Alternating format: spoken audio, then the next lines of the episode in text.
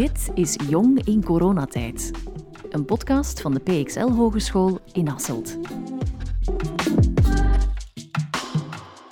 Een lief vinden is sowieso al moeilijk, maar nu we allemaal opgesloten zitten in ons kot, lijkt het bijna onmogelijk.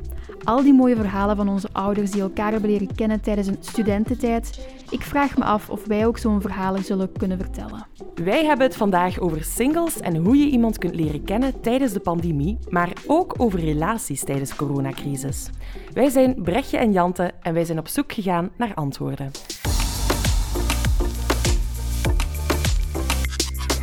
Heel veel jongeren hebben nu meer dan ooit nood aan een relatie. Veel van ons voelen zich als single eenzamer dan vroeger. We gaan niet meer op café en komen nauwelijks nog op school. Hoe ontmoeten we nog iemand? Brechtje, jij hebt hier geen last van gehad, want jij hebt een relatie gekregen tijdens corona.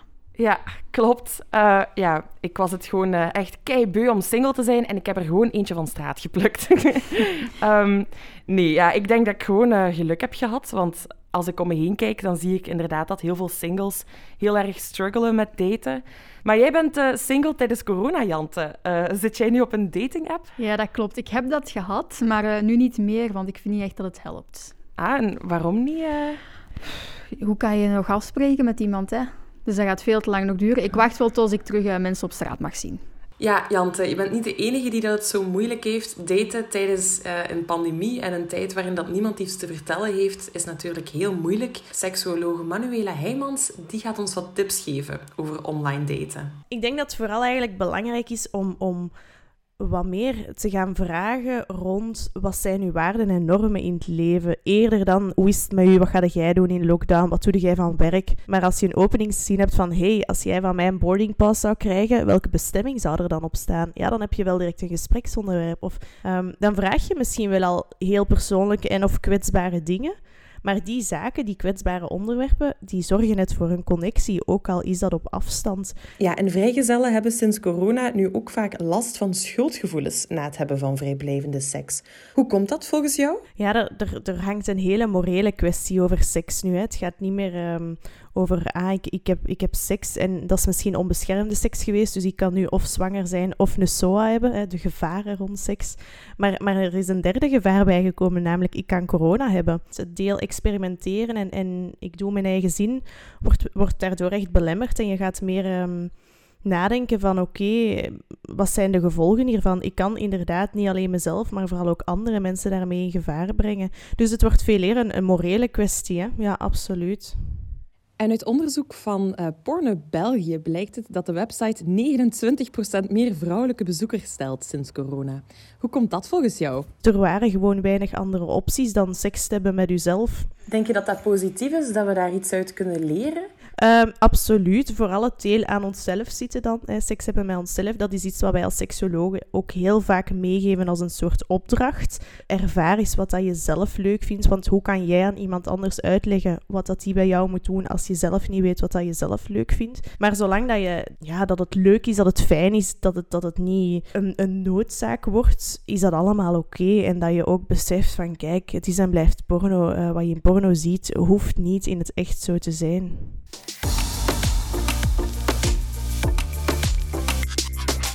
Cato is student en is single tijdens corona. Ze vertelt ons wat ze nu eigenlijk het meest mist aan een lief. Het is soms moeilijk om, um, om mensen te ontmoeten nu. Hè. Je kunt niet uitgaan of zo, je komt minder mensen tegen. Je moet al dating-apps of zo iemand ontmoeten. En dat is ook niet echt de manier waarop ik iemand wil ontmoeten per se. En dan ja, kan ik soms wel jaloers zijn op mensen die van voor de corona al iemand hebben en een knuffelcontact vast ligt. En dat is soms uh, wel wat lastig. En heb je dan niet soms uh, de neiging om te zeggen van...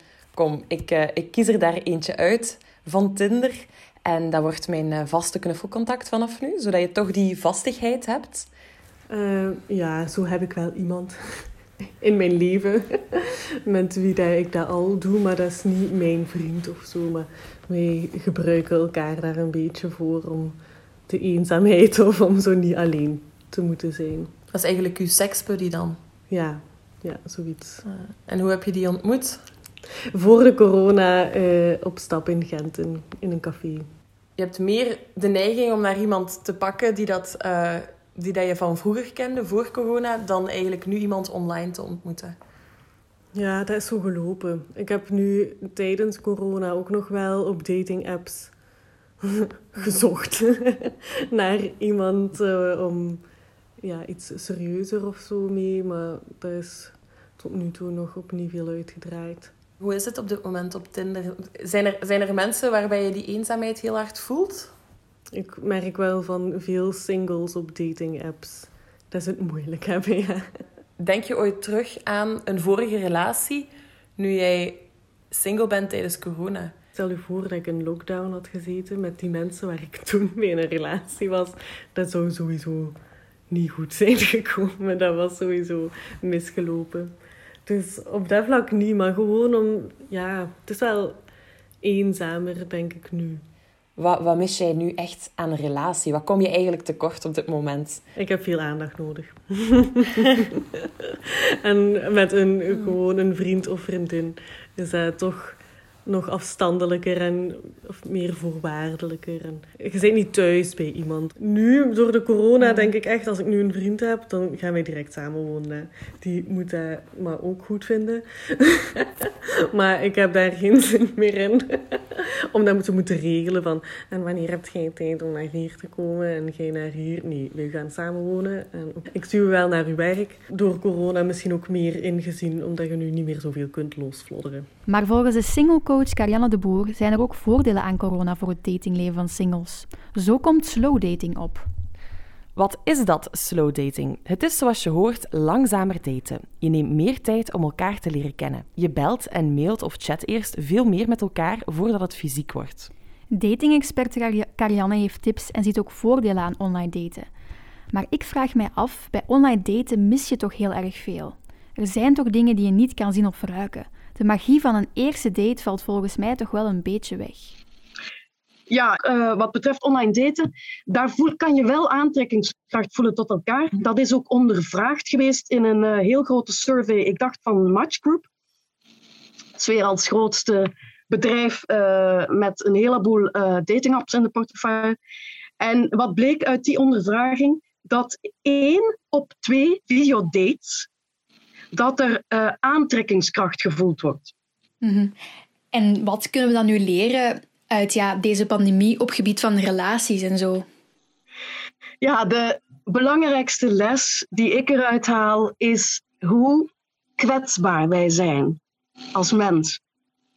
En uh, wat mij betreft zijn relaties het belangrijkste in ons leven. En, en ik geloof dat we veel meer heel bewust moeten investeren in relaties. En dan bedoel ik zowel platonische, dus vriendschapsrelaties, als uh, liefdesrelaties. En ik denk, naarmate dat we als, ja, als maatschappij en, en ook als mensheid evolueren, en daarom denk ik ook aan, aan alle technologische ontwikkelingen die zich in een zeer snel tempo op dit moment ontwikkelen, dan uh, denk ik dat relatievaardigheden nog belangrijker gaan worden in de toekomst. Relaties op het werk, relaties bij je thuis, relaties met je partner, met je vrienden, overal. Dus um, de, ik, ik, ik, ik denk dat dat, wat mij betreft, de belangrijkste ja, um, wake-up call is. En ik zou willen afsluiten met de gedachte dat achter elke swipe een mens van vlees en bloed zit.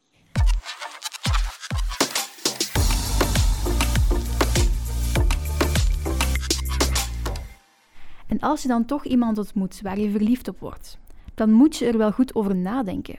Je moet erg zeker zijn over wat je voor die persoon voelt. Want zowel je eigen gezondheid als die van je ouders of grootouders kan in gevaar brengen, moest het daarna weer uitgaan. De fysieke drempel wordt dus hoger. Wanneer raak je elkaar voor het eerst aan? Wanneer komt die eerste kus? En wanneer beland je voor het eerst samen in bed? Staf van der Brugge, een student uit Mechelen, vertelt ons hoe het bij hem en zijn kerstverse coronarelatie verliep.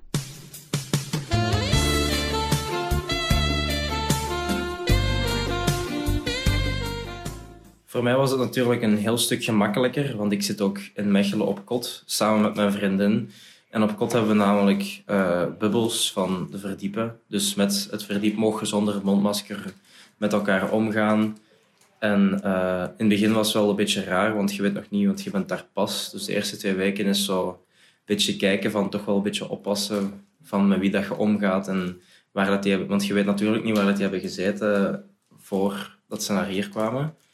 Ehm, maar het heeft eigenlijk niet zo heel lang geduurd, want je bent daar ook heel vaak bij elkaar. Je bent van het moment dat je thuis komt van school tot drie uur s'nachts zit je eigenlijk op elkaars kamer en dan gaat het heel snel. Dus het is, het is heel snel gegaan, maar het is, ik heb er niet echt spijt van dat het zo snel is gegaan. En die eerste kus dan, hoe, hoe gaat dat eigenlijk nu? Want ja, we leven in een tijd dat er een virus is. Ja, was je niet bang daarvoor dan? Um, op het moment zelf was dat eigenlijk niet echt uh, iets om aan te denken. Het was meer van, we willen dit alle twee, dus we gaan er gewoon voor. Het is niet dat we daar... Je zat daar met je kop niet echt in op dat moment dat het er een virus was. En dan, ja, een iets andere gegeven, seks. Want we hebben ook met een uh, relatietherapeute gepraat en zei ze dat jongeren het ook moeilijker vinden om seks te hebben met iemand. Is dat bij jou ook het geval? Heb jij het, had jij het moeilijk om voor de eerste keer seks te hebben met iemand ja, in deze tijden? Um, ja, op zich wel. Het was, het was langs beide kanten zo, want we wouden het natuurlijk ook niet te snel doen, want we kenden elkaar nog niet heel lang tegen, nadat we hadden gekust. We wouden sowieso niet te snel doen, dus we gingen daar sowieso nog wel even mee wachten. Um, maar zoals ik bij de kus ook al zei, dat is in de hitte van het moment denk je daar niet altijd aan. En dan is het meer zo van, het is oké. We, leven, we leven nu toch in een bubbel samen eigenlijk. Dus op zich kan er niet veel mislopen. En heb je dan zelf nog tips voor jongeren of studenten die nu een relatie willen, maar het niet zo echt meer zien zitten? Of? Um, ik zou zeker zien hoe dat je het aanpakt. Want het is natuurlijk heel moeilijk om iemand nieuw te leren kennen. Um, dus ik zou allee, daar sowieso voorzichtig mee zijn. En misschien, ook al is het in het moment zelf, misschien even te wachten met een beetje te veel contact te doen. ja, dan hebben we het vooral over het intieme contact, zeker? Ja. Oké. Okay.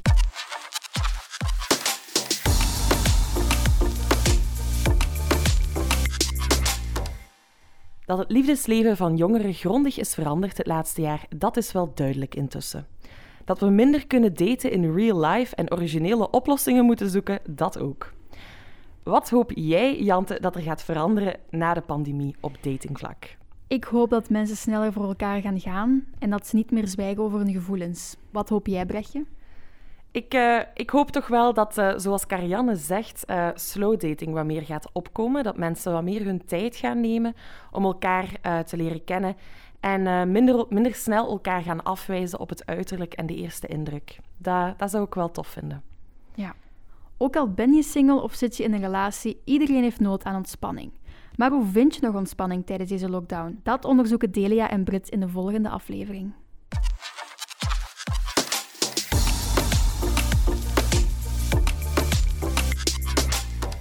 Hallo. Hallo. wij zijn Delia en Brit en in de volgende aflevering gaan we op zoek naar hoe jongeren zich nu ontspannen tijdens deze coronacrisis. Van kettingen maken tot Geneverwandelingen. Maar dat is voor dan. Nu mogen we eindelijk ons spel spelen. Oké, ik ga mijn eitje open doen. En de vraag is, als je één dag een superheld mag zijn, wie zou je dan kiezen? Wauw, moeilijke vraag. Um, daar moet ik even over nadenken een superheld. Ik dacht meteen aan Elsa. Maar ik weet niet of zij eigenlijk een superheld is. Dat kan, hè? Maar gewoon omdat zij zo van die magische krachten heeft om alles in sneeuw te doen veranderen. En ik was echt al 17 of zo toen ik die film zag, Frozen. En toch was ik daarvan onder de indruk. Dus ik denk ja, dat ik haar zou kiezen. En ook omdat ik dat heel mooi vind dat ze zo'n sterke band had met haar zus eigenlijk. En ik ben enig kind, dus dat is wel iets dat ik graag ook zou willen eigenlijk. Je mist dat wel. Ja, een beetje wel soms. Zeker nu in coronatijden. Dat ik, ja... Ja, dus Elsa, ja. Mooi. Eens kijken. Je mag op één luxe diner gaan en iemand van de hele wereld meenemen. Wie neem je mee? Oh, oké. Okay. Um, ehm, leuke vraag. Goh, ik denk dat ik er wel een paar kan opnoemen. Um, Ja, ik ben op dit moment uh, The Vampire Diaries aan het kijken op Mhm. Netflix. Allee, dat is er eh, pas afgegaan, Ja, jammer genoeg. Ja, jammer genoeg, maar ik denk wel eh, met Damon. Dat is Ian Somerhalder. Ja, Amai, die mag wel eens meegaan. ja. dat begrijp ik. meegaan, Ja. En gewoon omdat, hij, omdat je die aantrekkelijk vindt, om ook of, om hem te leren kennen qua karakter en zo.